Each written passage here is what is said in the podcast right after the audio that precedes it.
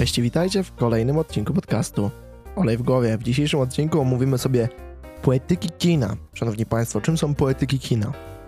Najprościej mówiąc, epoki. A więc będę tu omawiał najistotniejsze epoki kina, w tym przypadku europejskiego i amerykańskiego. Pomijamy cały Bollywood i skupiamy się na tym, co było najistotniejsze, a więc, no, prawdę mówiąc, no, rozwój kina historycznie najwięcej działo się w Europie i w Ameryce. Więc zacznijmy. Będą tu jedynie szczątkowe informacje, jeszcze ostrzegam. Jeśli bylibyście zainteresowani którymś z poetyk, to zachęcam do rozszerzenia tematu we własnym zakresie. W opisie obiecuję zostawić wam kilka z filmowych podcastów, których osobiście słucham. Nieczęsto pojawiają się tam tego typu odcinki. Zauważyłem, że jest to również pewna nisza, stąd ten pomysł na podcast. Kino nieme. Tak się rozpoczyna i generalnie było to bardzo mocne kino atrakcji, i ważny wyszczególnienia film to Podróż na Księżyc z 1902 roku. Więc zobaczcie, że to działo się 121 lat temu. Dosłownie 121 lat temu już ktoś potrafił wpaść na pomysł wyreżyserowania do dziś budzącego wiele emocji filmu. Opowiada on o grupie naukowców, którzy udają się na Księżyc, więc temat tym bardziej aktualny. E, I po wylądowaniu tamtejsi mieszkańcy biorą ich do niewoli. Jak się możecie spodziewać, mieszkańcy Księżyca mogli być bardzo fajnie przedstawieni. Stąd też kino atrakcji właśnie na tym polegało. E, żeby przedstawić taką wizualną atrakcyjność, żeby pokazać widzowi, że da się pokazać coś bardzo ładnego. Zresztą scenografie były tam tworzone z największą skrupulatnością, jak na tamte czasy. E, w ogóle o kinie niemym możemy mówić, prawdę mówiąc, przez bardzo długi okres czasu, bo potem no, Chaplin, chyba każdy z nas go kojarzy, Charlesa Chaplina, popularnie zwanego Charliem Chaplinem, on tworzył kino nieme nawet kiedy już w kinie powszechnym zjawiskiem był dźwięk, filmy udźwiękowione. Wraz z nadejściem filmu The Jazz Singer w roku 27, no Chaplin się ciągle uwierał, że będzie to tylko jedynie chwilowa no, poetyka, chwilowy nurt w kinie, który nie przebije się. No i tak też między innymi Światła Wielkiego Miasta, ale o nich będziemy mówić w innym temacie z roku 31. Więc wracając do kina tego jeszcze bardziej historycznego, to Jacek Ostaszewski w swojej książce Historia narracji filmowej wspominał o tak zwanym kinie jarmarcznym. I nazywał on ten okres, znaczy tym kinem jarmarcznym, pierwszy okres rozwoju kina, a więc właściwie od, powinny te nazwiska paść tu wcześniej, ale bracia Lumière z rokiem 1895 i wynalezieniem e, kinematografu, choć e, tamte e, wydarzenia bardzo były połączone. Natomiast w roku właśnie 95 był ten pierwszy pokaz filmowy i wjazd na stację pociągu, przed którym rzekomo widzowie uciekali. I tu ważny wspomnienia cytat Christiana Metza. Uwaga, film, który mógł służyć rozmaitym celom, w rzeczywistości prawie zawsze służy opowiadaniu rozmaitych historii. No i idealnie nam przedstawia to, jakie nastroje panowały wówczas w związku z wynalezieniem tego kinematografu. Generalnie no, mieli zabawkę, którą mogli się bawić w rozmaity sposób ale genialnie znali się na przykład na strojach, na kostiumach. E, potrafili budować charakterystyczne postacie, rozbawiać, tak? Już wcześniej w historii były postacie błaznów, które miały za zadanie rozśmieszać króla. No więc dlaczego nie przenieść to przed ekran? No i w taki właśnie sposób tak naprawdę to była najważniejsza ich misja e, w tym kinie jarmarcznym, czyli tworzeniu ku pociesze widza. Teraz z nurtem przeniesiemy się do ekspresjonizmu niemieckiego, który oscylował, no już bliżej możemy to określić, z moich zajęć od 1919 do 1924 roku. Ekspresjonizm niemiecki oscylował. Natomiast nurty pojawiają się cały czas. E, filmem wartym wyszczególnienia, wyszczególnienia w, tym, w tej poetyce jest gabinet doktora Caligari z roku 20 ubiegłego wieku, e, który opowiada o niewielkim mieście, akcja, która dzieje się w niemieckim malutkim mieście, E, w którym dochodzi do serii zagadkowych morderstw. I przyjaciel jednej z ofiary odkrywa, że za wszystkim może stać wędrowny hipnotyzer. Film jest w ogóle, kiedy oglądacie go pierwszy raz, to bardzo mocno nie wiecie, co tam się dzieje. Szczególnie na końcu, kiedy okazuje się, że bez spoilerów. Obejście. E, mimo wszystko, generalnie w ekspresjonizmie niemieckim, myślę, wartym wyszczególnienia jest fakt również, jak miało to miejsce w kinie atrakcji, że tu już wychodzimy mniej więcej z tej pięknej scenografii, bo nadal ona jest i ona jest naprawdę, ma bardzo ważne jakby, e, ma bardzo ważne przesłanie, bo często mówiło się tam o kinie tak zwanych scenografów, czyli często nawet scenograf był ważniejszy o wiele od reżysera i często to właśnie scenografowie podpisali się jako autorzy dzieł. Natomiast w ekspresjonizmie przejawiało się już coś, co bardzo przejawiać się będzie też w późniejszych poetykach, między innymi właśnie tło społeczne. No i wiecie, jak wyglądała sytuacja w Niemczech e, po wojnie I światowej. No więc ogromna inflacja, ogromny kryzys ekonomiczny, no i przede wszystkim e, mam wrażenie, że poczucie nadciągającej tyranii, hitleryzmu. Było już bardzo mocno czuć taką nadchodzącą tyranię i choć Hitler za początkowych lat jeszcze bawił się w kanclerza Rzeszy, choć to lata 33, więc trochę później, natomiast był, był taki generalnie e, niemiły zapach w powietrzu, że coś takiego nadciąga. Ludzie to czuli, bardzo mocno przejawiało się to na generalnie poczucie ludzi w tamtych latach w Niemczech. Więc te nastroje, zresztą sytuację wewnętrzną po prostu, bardzo łatwo można było zaobserwować w filmach. Przede wszystkim w związku z tymi depresyjnymi nastrojami po przegranej wojnie. W końcu był to jeden wielki upadek snu o wielkim imperium niemieckim. Rzeszy, wówczas jeszcze wtedy. Ale generalnie, już trochę odchodząc po przedstawieniu tła społecznego, ważnym zaznaczeniem jest to, co działo się również w kinie atrakcji. To również bardzo podobne miejsce miało, natomiast jeszcze bardziej ubogacone, bo miały tu miejsce na przykład w gabinecie doktora Caligari wszelakie wampiry, generalnie zjawy, upiory, fantastyczne postaci miały tu miejsce na porządku dzielnym. E, I generalnie ekspresjonizm, jeśli mielibyście z czymś kojarzyć, to z nienaturalną grą świateł. E, I było to coś świetnego, i było to coś, co możemy dostrzegać jeszcze, mam wrażenie, w dzisiejszych Batmanach. E, znaczy, może dzisiejszych, no, tych jeszcze, który tworzył Tim Burton. O, może tak powiem. E, bardzo fajnym rozróżnieniem, to znaczy bardzo bogatym na tamte czasy, dziś już jedynie kreatywnym, e, było rozróżnienie, że dzień był przedstawiany kolorem żółtym na ekranie, a noc była kolorowana na niebiesko. Ale ogólnie wszelaka gra cieniem i scenografią, o której wspomniałem, więc to kino scenografów e, miało ogromne miejsce, bo, bo, generalnie wiele nurtów artystycznych przewodziło e, nurt również kina ekspresjonizmu niemieckiego. I tam w ogóle nic naturalnego nie doświadczymy. W sensie, jeśli chodzi o gdzieś tam scenografię, bo widać, że jest to po prostu bujna wyobraźnia scenografa, który, który postanowił, e, że tak powiem, sklecić takie dzieło. Ale generalnie ta scenografia taka artystyczna była bardzo płaska, umowna i bardzo prosto dziś to dostrzegamy, natomiast na miarę tamtych czasów, wszystko mierzymy oczywiście względem tych lat dwudziestych, e, czy już nawet właśnie trzydziestych XX wieku, to jest coś, co to naprawdę robiło wówczas wrażenie. Przechodzimy do Ameryki, amerykańskiej bruleski, e, która znowu z moich zajęć wynika, że miała tak miejsce z przynajmniej od 1915 do 1928. I te poetyki będą bardzo mocno przejaskrawiać się, w sensie nachodzić na siebie, no bo tam e, ekspresjonizm miał miejsce od 19 do 24, a tutaj amerykańska bruleska no, zaczyna się w 15, kończy w 28. Ale nie zapominajcie, że Tutaj mamy Amerykę. Tam mieliśmy Niemcy, Rzesze. Ale wracając do amerykańskiej bruleski, film, który idealnie przedstawia te napięcia i ten film już padł dzisiaj, to Światła Wielkiego Miasta Charlesa Chaplina, genialnego reżysera, aktora, no generalnie wszystko roba. Z roku 31, bo nie wiem, czy powiedziałem film. Opowiada o włóczędze, właśnie Charlim, e, który jest gotowy do wszelkich poświęceń, by pomóc niewidomej kwiaciarce. E, film genialnie przedstawia, jak generalnie chcemy przypodobać się być może kobietom. Do dziś dzień myślę, że, że te między innymi mechanizmy z tego filmu są aktualne. E, bardzo chciałbym, żeby ten świat tak wyglądał, był bardzo dostojny. E, no i ten mężczyzna, ten włóczęga, ten Charlie po prostu, e, zaraz o postaci Trumpa, Charlie'ego Chaplina sobie powiemy, e, robił wszystko. Choć w ogóle ta postać Trumpa była kreowana na takiego yy, takiego dzie dziecko być może? Myślę, że to nie jest zbyt duże posunięcie, bo generalnie no, Trump jako taki, taki włóczęga no, był najniżej postawionym w hierarchii, więc niżej się upaść nie dało. Widzimy też tam jego desperackie sceny zdobycia grosza. Yy, generalnie idzie tam, gdzie wiatr żawieje, ale mimo wszystko trzyma elegancki yy, między innymi kapelusik, yy, tak, jego melonik, ma wąs, ma laskę, szerokie spodnie, taki charakterystyczny kaczy chód. Generalnie to jest coś, co bardzo kojarzy nam się z tą postacią wykreowaną przez Trumpa. E, Charlie'ego Chaplina, postaci Trumpa.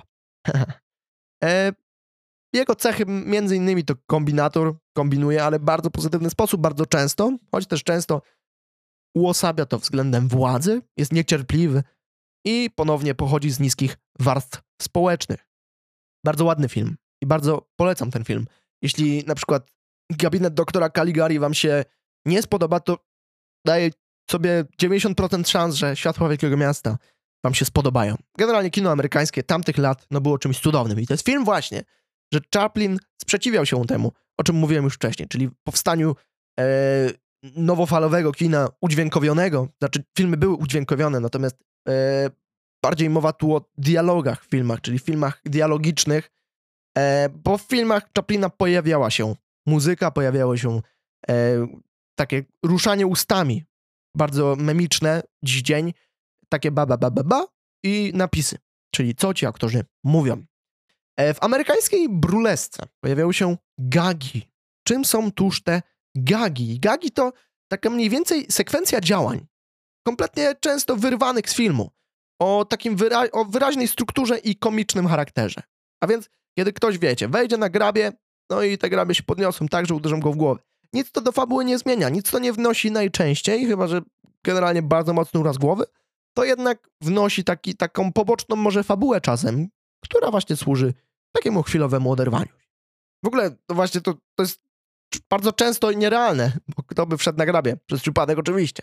Natomiast w amerykańskiej brulesce takie przerysowanie i wyśmiewanie fabuły, e, często władzy, policji, ośmieszanie ich, było chlebem powszednim. Tak?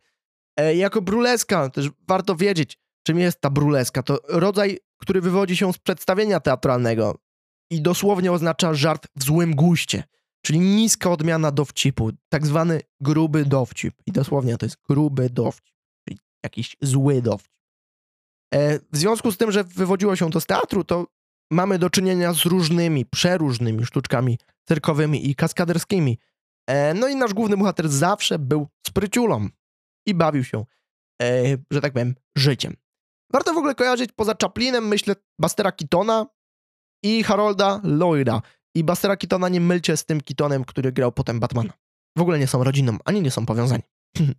w ogóle w Brulesce e, jest wiele takich rzeczy, e, które dziś nie są do pomyślenia. Między innymi pojęcie czegoś takiego jak blackface, czyli charakteryzacja twarzy taką czarną pastą, oczywiście osób białoskórych na osoby czarnoskóre, bo wtedy jeszcze no, ciemno, ciemnoskórzy, w ogóle odmienno inni skórzy niż biali, grać w tych filmach amerykańsko-bruleskich, bruleskowych, no odmiany są ciężkie, nie, nie mogli grać tam, tak?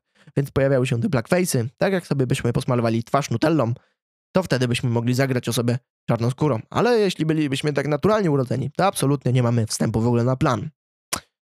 Ciężkie czasy. Przejdźmy dalej. Klasyczne kino amerykańskie. E, I tu oj, można mówić. Ale myślę, że powiem równie mało co o kinie niemym, bo w sytuacjach, kiedy można bardzo dużo powiedzieć, myślę, że bardzo powinniśmy się ograniczać. Więc klasyczne kino amerykańskie miało miejsce i tu bardzo umownie od 1930 roku do 1960 roku. I żeby wam to doprecyzować, to ten rok 1930 to bliżej właśnie tego 27 nawet, gdzie pojawił się ten The Jazz Band Singer, tak? Grajek jazz bandu, czy śpiewak jazz bandu, chyba w polskim tłumaczeniu, z roku 27. E, no ale 30 lata to już takie ładniej brzmi, może. A rok 1960, generalnie ludzie się już wtedy znudzili tym gatunkiem, o którym zaraz sobie powiemy. E, telewizory, kryzys Hollywoodu, no wiele tam rzeczy właśnie w związku z tłem społecznym. W ogóle w klasycznym kinie amerykańskim, zanim jeszcze powiem o filmie, który warto tutaj obejrzeć, e, obowiązywało coś takiego jak kodeks Heisa. Coś obrzydliwego względem tego, jak dziś obserwujemy historię kina, coś, co oczywiście miało prawo bytu, ale do dziś jest absurdalne. Między innymi zabraniał prostytucji, homoseksualizmu, mieszania się raz, nieprzyzwoitości, uwaga, w słowach, gestach, aluzjach, piosenkach, żartach lub sugestiach. Zabraniał również na gości, długich i namiętnych pocałunków, wulgarnego języka. No, coś obrzydliwego, prawda? Kiedy mamy coś zabronionego, no to trudno przekazać prawdziwą wizję autora, e, któremu na przykład zależało na pokazaniu pewnej sceny, której nie mógł przez ten kodeks. Filmem, który warto obejrzeć w związku z kinem klasycznym amerykańskim i w ogóle z pojęciem czegoś takiego jak kinem stylu zerowego, czyli tak zwaną mową codzienną, czyli kiedy bardziej uwagę zwracamy na to, o czym mówię, niż w jaki sposób mówię, bo jeśli teraz będziecie zwracać uwagę na moją niecharakterystyczną formę, to nie będzie styl zerowy. Ale kiedy będę mówił tak pospolicie, tak, że nie będziecie wyłapywać tej formy, a raczej skupicie się na treści, to wówczas możemy mówić o czymś takim jak stylu zerowym. No i wówczas w kinie amerykańskim styl zerowy miał miejsce w filmie Casablanca z roku 1942, który opowiadał o II wojnie światowej, mieście Casablanca mieszczącym się w Maroku. Wówczas w ogóle Maroko było podzielone pomiędzy Francję i Anglię, e, ale było jedynym miejscem Casablanca, z którego można było polecieć do Ameryki. A więc uciec przed wojną, bo Amerykanie dość późno dostąpili swojego, swojej broni w II wojnie światowej. No i właściciel nocnego klubu, Rick Blaine, spotyka swoją dawną miłość, Ilze, którą spotkał kiedyś e, w Paryżu. Tak? I mamy kilka scen e, chronologicznie wyrzucających nas z fabuły, natomiast przedstawionych, że działo się to kiedyś w przyszłości. Ale nasza Ilza okazuje się być szczęśliwą żoną działacza czeskiego ruchu oporu, Wiktora Laszlo. I dziwne uczucia odżywają, i, i tu mamy pewien melodramat. Mm, no, dramat na pewno, bo wojna w ogóle i nastroje wojenne, które działy się wówczas, w ogóle filmy bardzo starają się to oddać albo ukryć jednocześnie. No a tu mamy do czynienia z czymś bardzo podobnym. Pojawia się tam innymi Marsylianka, więc hymn Francji, no i był, była bardzo zjawiskowa scena, więc polecam obejrzcie sobie, bo, bo generalnie to jako pozycja walczyła z tą władzą, która no, planowała budowę imperium. A tamten bar właściciela Ricka Blaina miał być wręcz apolityczny, miał być miejscem bez przemocy. Kiedy tam wyciągnęło się spluwę, no, można było liczyć na szczególne traktowanie, że tak powiem. E, chcę tu powiedzieć o takich mm, cechach, które miały miejsce, którzy autorzy e, bardzo mocno chcieli, że tak powiem, rozerwać właśnie nas na to. No i przede wszystkim ich celem było, były nasze emocje, nasze przeżycia, i ten cel stawiali sobie na piedestale, tak? Czyli żeby przede wszystkim oddziałać na widza i na jego emocje. Po drugie, właśnie e, stawiali na środek, czyli formę przekazu, w jaki sposób to pokazać, w jaki sposób przekazać jakąś informację, ale mimo wszystko cel był wyżej. E, po trzecie, mieli takie zasady ogólne, innymi jednoznaczność i zrozumiałość, czyli innymi chronologiczne przedstawienie sytuacji, e, czy najlepszy punkt widzenia, akcja, która nie miała jakichś ukrytych znaczeń. Oczywiście nie mówię tu koniecznie, że w każdym filmie pojawiało się właśnie to, ale były to niektóre z tych zasad ogólnych, które mógł użyć autor dzieła. Po drugie, realizm i obiektywizm, no to chyba nie, wy, nie wymaga jakichś e, tłumaczeń. Po trzecie, e, przeźroczystość, czyli przede wszystkim, no chyba nieobecność kamery, zakaz patrzenia w, nam, w nią, brak odwołań do innych filmów ponownie, płynność i ciągłość. I po czwarte, oddziaływanie na emocje, a przyjęcie punktu widzenia bohatera, intensywność czy rozciągnięcie nawet czasie. I to były te zasady ogólne, a rozwiązaniami szczegółowymi były te e, przykłady, które podałem. I one były bardzo zmienne od potrzeb widzów i od potrzeby oczywiście tego, co chciał wewrzeć re reżyser. Ale przede wszystkim stawiali na emocje, czyli bardzo dostosowywali się do widzów. A? I tak to, tak to leciało. W ogóle w tamtych latach, bardzo rozległych zresztą, pojawiała się Wielka Piątka, czyli pięć wytwórni filmowych, które no do dziś dzień niektóre z nich są na piedestale, a więc m.in. 20th Century Fox, Warner Bros., Universal, Paramount, e, no i o piątej, wybaczcie, zapomniałem. Załamanie czwartej ściany, ważnym pojęciem, bo jak sobie wyobrażacie pokój, w którym są oczywiście cztery ściany, no to my w związku z ustawieniem kamery możemy zobaczyć jedynie maksymalnie trzy ściany. No i my jesteśmy tą czwartą ścianą, jako obiektyw, jako oglądacze, jako obserwatorzy, jako widzowie. Oglądamy jako ta czwarta ściana Tyle o kinie amerykańskim klasycznym, bo tutaj no słów, słów można mówić bardzo dużo. Film noir. W ogóle noir oznacza czerń, dosłownie czerń e, z tłumaczenia. No i możecie już domyśleć się, jakim kinem to będzie. Ale generalnie idealnie oddającym e, przykładem filmu będzie film Sokół Maltański z roku 41. Jak co opowiada o prywatnym detektywie, który próbuje rozwikłać zagadkę zniknięcia bezcennej statuetki.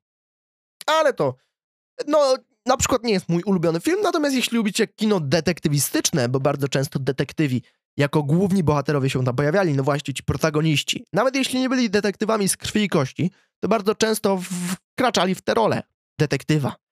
Cynicznego, lakonicznego. Generalnie byli zatroskanymi twardzielami. Ale byli to mężczyźni. Przede wszystkim mężczyźni. E, warty wspomnienia jest fakt, że filmie, w nurcie kina noir było pojęcie mizoginii, a więc niechęci do kobiet. To bardzo się tam pojawiało i to wszystko za sprawą tego, jak kobieta była pokazywana, a była pokazywana femme fatale, a więc kobieta fatalna. I jeśli nic wam to nie mówi, to jeśli znacie, jak modliszki generalnie traktują swoich partnerów zaraz po akcie seksualnym, odgryzają im głowę, to właśnie takie były kobiety w tych filmach. Bardzo często przedstawiane z papieroskiem, problemami egzystencjonalnymi, ale generalnie niszczyły bohaterowi psychę i zabierały kasę. Taki mam cytat i bardzo fajny cytat. Bardzo oddaje rzeczywistość kobiety fatalnej. Wysokie kontrasty panowały w filmie, w filmach noir. E, skomplikowani bohaterowie już nie byli tacy jednolinijni, ale bardzo ważnym aspektem było to tło społeczne. E, oczywiście druga wojna światowa związana, a więc z tą drugą wojną światową atmosfera rozpaczy, niepewności i niepokoju. E, rozwój społeczeństwa bardzo mocno szedł w tą taką industrialną, czy nawet urbanistyczną e, formę. Bardzo ludzie no, byli nakierunkowani na odbudowę między innymi społeczeństwa, takiego masowego i konsumpcyjnego. No. Generalnie druga wojna światowa bardzo dużo będzie nam jeszcze potęgowała y, kilku poetykom. E, wa warto wiedzieć, bo, bo, bo wspomniałem tu o detektywach, a jeśli o detektywach, no z czym teraz kojarzymy detektywów? Bardzo często z filmami gangsterskimi, ale żeby tego nie pomylić, bo, bo poza tym, że te filmy były czarne, ciemne, tak, że tam to światło było bardzo ograniczane i nawet jeśli nagrywano e, w środku jakiegoś budynku, w środku nocy, to nawet żaluzje były zasłonięte. Takie, e, tak były przedstawiane te filmy. To w kinie gangsterskim no nie mamy aż takich kontrastów, tak? Świat kina gangsterskiego był bardziej racjonalny. W kinie noir pojawiają się niewyjaśnione zbrodnie. I my to akceptujemy. Było epatowanie makabrą i perwersją, zakończenia negatywne, czyli pozbawione morału. No, coś, czego chyba nie lubimy, przynajmniej może ja, jako widzowie, lubimy morał, dlatego lubimy bajki. E, pesymistyczny obraz świata, no nie inaczej trudno przedstawić w związku z wojną, no, no wojna i skomplikowani bohaterowie z problemami egzystencjonalnymi. W ogóle ten montaż, tam warto wspomnieć o montażu, ja tu nie, nie wspomniałem jeszcze o tym, ale dość często skupiam się na tym pojęciu montażu. I w tym przypadku w filmach noir ten montaż był mniej analityczny. Miało to spotęgować atmosferę niepewności. No więc jeśli obejrzycie, obejrzycie Sokoła Maltańskiego, to no, pójrzcie na to okiem, te, na te uczucia fatalistyczne, na te zniweczenie wysiłków, no i tą atmosferę niepewności. Przejdźmy do kolejnego kina i francuskiej nowej fali, więc Francja, już mieliśmy tu do czynienia no, z Francją trzykrotnie, poza naszymi braćmi Lumière, poza oczywiście i oczywistą Casablanką w Maroko, to i tym razem francuska nowa fala, więc nurt kina poświęconemu właśnie temu krajowi. E, między innymi w latach 1959 do 1968 i film 400 batów z 59, który wyznacza początek tej oto poetyki. Trzynastoletni Antoine czuje się niezrozumiany przez rówieśników i dorosłych. Jego marzeniem jest ucieczka nad morze. No i to jest już kina, że tak powiem, cięższe albo trudniejsze, bo cięższe to mogą być fizyczne rzeczy. E, między innymi cechy tego francuskiej, tej francuskiej nowej fali to autobiograficzna wypowiedź autora. Tu pojawia się pewien subiektywizm. No i właśnie marzenie ucieczki nad morze od rodziców, którzy no byli jacy byli, też zachęcam ponownie do obejrzenia filmu, było czymś, co bardzo mocno reżyser przekształcał na swoje postacie. E, we francuskiej nowej fali odważyli się wyjść w plener jako przestrzeń studia, y, znaczy bardziej z przestrzeni studia do właśnie w plener, żeby nagrywać trochę bardziej takiego naturalnego życia, może nawet, a zresztą bardziej się to opłacało, bo scenografia ona była kosztowna. W Francji, no, trudno nie mówić o kinofilii, więc miłości do kina bardzo widać to w tamtych dziełach. I mówię o tym jako o autorskich dziełach, bo bo widać taką miłość do kina i wiadomo, kiedy ktoś robi coś z miłości, tak jak na przykład pierwszego Spidermana z 2018 roku, a jak robią to na przykład Marvelowcy. No tak, przepraszam. E, w francuskiej nowej fali improwizacja była czymś normalnym, czyli to się nakręci, to będzie ok. Więc to było fajne, bo było to bardzo naturalistyczne ponownie, często z wieloma, że tak powiem, poślizgnięciami, natomiast udawało się zrobić z tego i tak bardzo dobre kino, kończące się otwartym zakończeniem. I miało to na celu oczywiście uruchomienie aktywności odbiorcy. E, to, to była taka narracja modernistyczna, no i do dziś, myślę, ona się utrzymuje czasem. I w przypadku budowania tej mm, głównej postaci bardzo często e, była ona wyalienowana.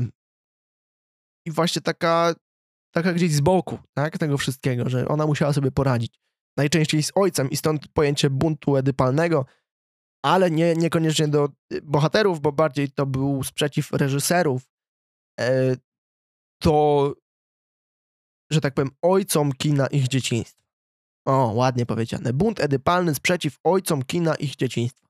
W sensie tych reżyserów. No, zapiszcie to w notateczkach. Tyle o francuskiej nowej fali, no, no bardzo lubili kino, ale mamy też inne europejskie nurty i tak włoski neorealizm od roku 42 do 52, no i film Złodzieje rowerów z 48, e, który opowiada o pierwszym dniu pracy mężczyzny, któremu zostaje skradziony rower i wraz z synem wyrusza więc na poszukiwanie pojazdu. Film trudny, film monotematyczny, no nie monotematyczny, a bardziej monotonny. O, może to jest lepsze słowo. Trudno się go ogląda, myślę dla nas, dla osób już przebodźcowanych dzisiejszym kinem, ale koniec jest warty tego wszystkiego, tego całego poświęcenia. No i tam, w tym włoskim neorealizmie, no realizm to było coś, na co stawiali wszystkie karty, tak? Czyli pokazywali prawdziwe dramaty prostych ludzi, prawdziwe życie, coś, co się działo. Ponownie wychodzili w plenerze, ponownie, bo to się opłacało i ponownie, bo było to bardziej prawdziwe. E, obowiązywała tam wszechobecna tonacja pesymistyczna, między innymi za sposobem światła, jednego źródła światła, które no, często tworzyło dziwne cienie. Aktorzy to ludzie nie będący aktorami z zawodu, czyli często brali na przykład ślusa, ślusarza do obsadzenia w roli ślusarza, a nie aktora, który idealnie grał ślusarza. No wiecie, taki paradoks, ale też ukazuje to pewien realizm. Scenografia była naturalistyczna. Ponownie pojawia się tutaj realizm, realizm, neorealizm.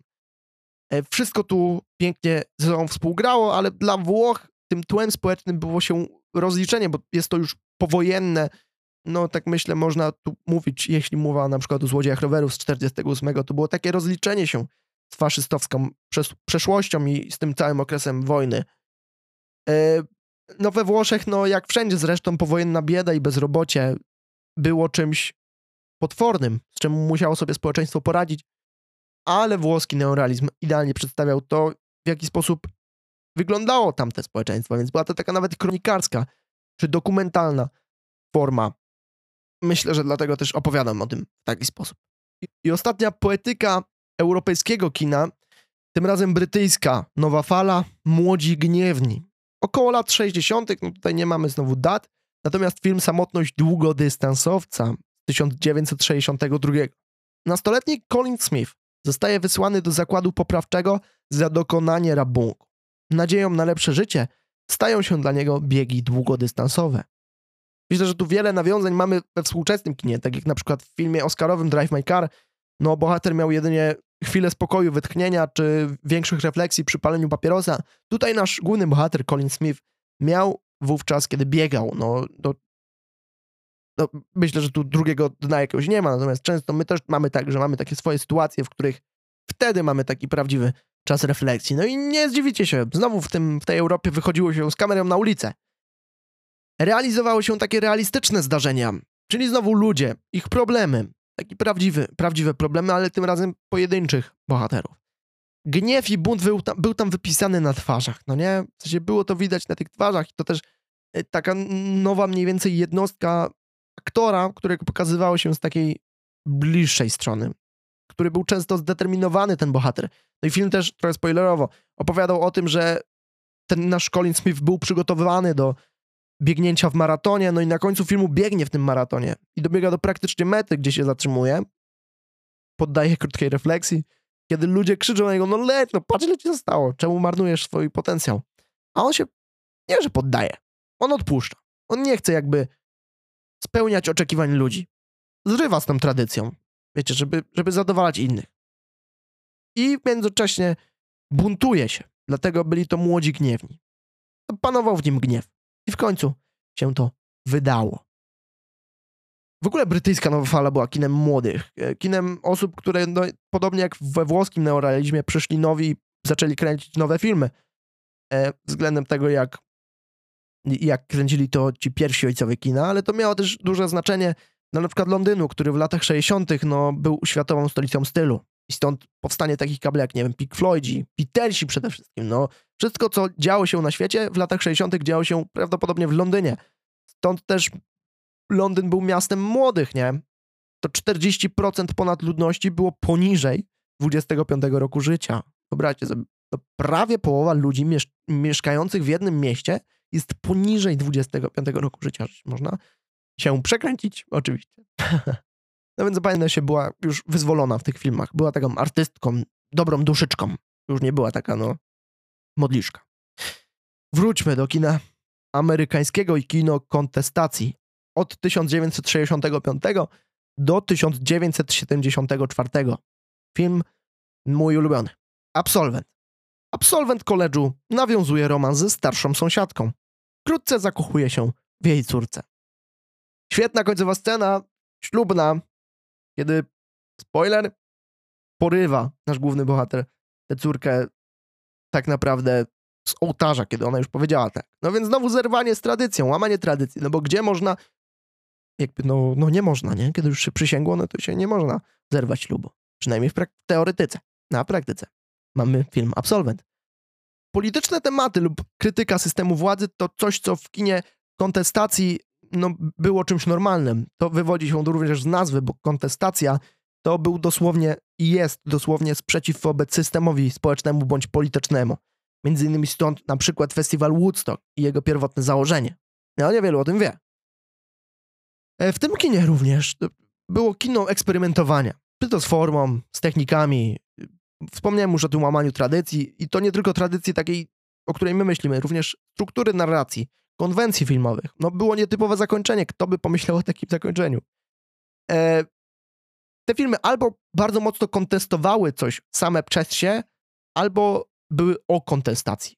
Czyli, że bardziej opowiadały historię tego bohatera, który coś tam kontestował, a niekoniecznie były odniesieniem do rzeczywistości.